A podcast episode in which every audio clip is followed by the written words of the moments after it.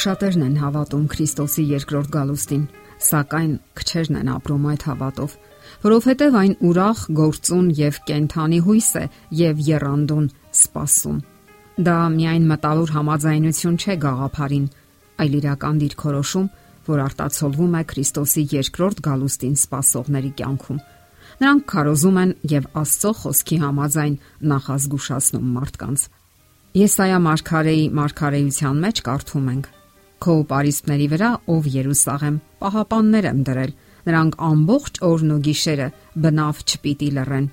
Ասացեք Սիոնի դստերը, ահավասիկ գալիս է քո փրկիչը։ Եվ նրա գալուստով նոր երկիր ու նոր երկինք կհիմնվի։ Մեր երկիրը կառավարման բազմաթիվ եղանակներ է փորձարկել։ Քաղաքական գործիչները փորձել են կարգավորել երկիրը եւ նրան դուրս բերել տարբեր ճգնաժամերից, սակայն միշտ լուրջ հիմնախնդիրների են բախվել, որովհետև ցանկացած երևույթի ու գաղափարական համակարգի հետևում կանգնած են մարդիկ իրենց ուժեղ եւ թույլ կողմերով, իրենց չար ու բարի մտքերով։ Զրույցի ժամանակ քաղաքական գործիչներից մեկն այսպես է արտահայտվել. ցանկացած քաղաքական կուսակցություն, որքան էլ այն արագ ու արդյունավետ գործի եւ հաղթահարի ճգնաժամերը, միշտ խնդիրներ է ունենալու։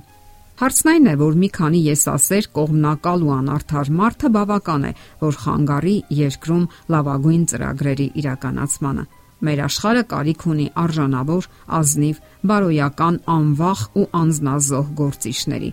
Իսկ նրան ընդդիմադիր զրուցակիցը պատասխանել է. Այո, կա այդպիսի անznավորություն, եւ նա պատրաստվում է ներկա պահին ընդունել իշխանությունը երկրի վրա։ Նա այնքան իմաստուն է, որ կարող է կարդալ մեր սրտերը։ Նա ամենազոր է եւ միևնույն ժամանակ այնքան ազնիվ ու առաքինի, որ կարող է սեր ու հարգանքներ շնչել ողջ մարդկությանը։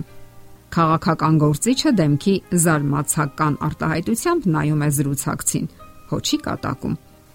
Դուք լուրջ եք ասում, ով է այդ մարդը։ Նա այս աշխարից չէ, պատասխանում է զրուցակիցը։ Նա մեր Տերն է, Հիսուս Քրիստոսը։ Նա երկրի օրինական ու արդար թակավորն է ու տիրակալը։ Նրա մեջ է մեր միակույսը։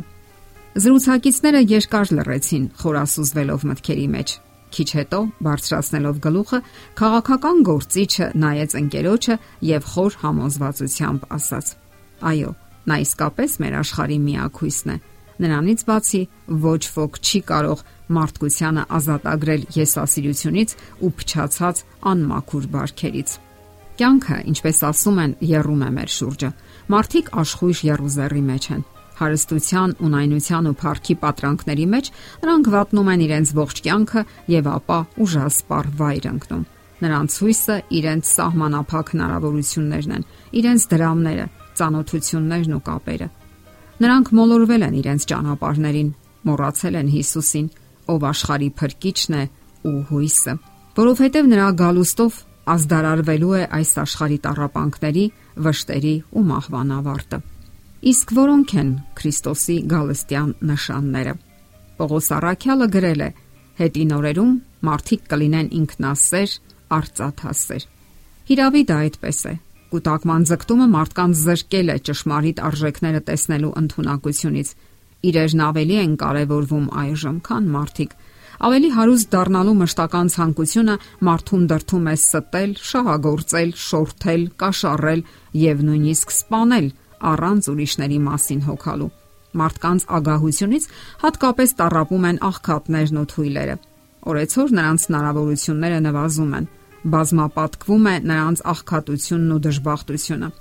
ոմանց աճող հարստությունը եւ մարդկանց միստվար հատվածի ծայրահեղ աղքատությունը Քրիստոսի մոտալուտ գալստյան նախանշաններից են։ Իսկ աղքատության բնական հետևանքներից մեկը մեր մոլորակում մոլեգնող քաղցն է։ Մահերի մեծ մասի պատճառը քրոնիկական թեր սնումն է։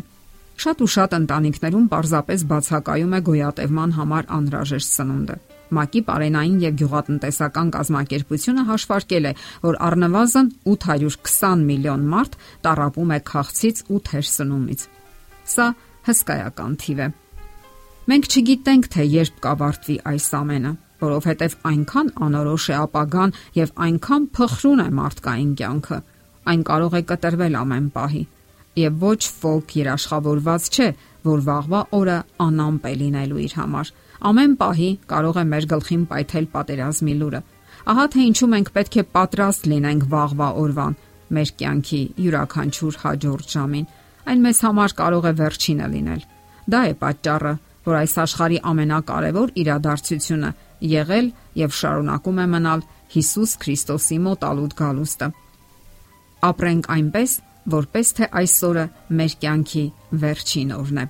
Իսկ ինչպես պատրաստվել։ Երբ Քրիստոսը աշակերտների հետ զրուցում էր Ձիթենյաց լեռան վրա, այսպես արտահայտվեց. Բայց ինչպես Նոյի օրերում էր, այնպես էլ կլինի մարդու որդու գալուստը որովհետև ինչպես ջրհեղեղից առաջվա օրերին ուտում էին եւ խմում, կին էին առնում եւ մարդու գնում, ինչև այն օրը, երբ Նոյը տապան մտավ եւ չիմացան, ինչև ջրհեղեղը եկավ ու բոլորին տարավ, այնպես կլինի նաեւ մարդու որդու գալուստը։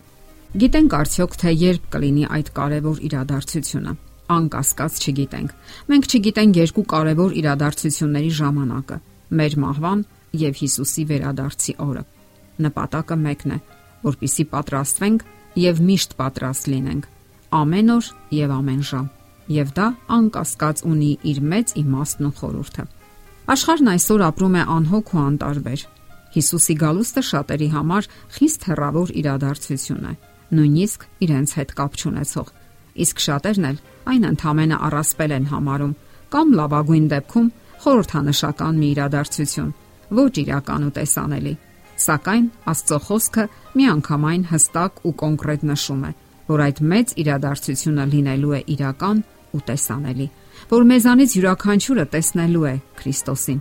Նույնիսկ մեղավոր եւ պատժի արժանի մարդիկ կտեսնեն նրան, որpիսի ծանոթանան իրենց դատավճրին եւ համոզվեն Աստվածային դատաստանի վերջնական արդյունքի արդարացիության մեջ։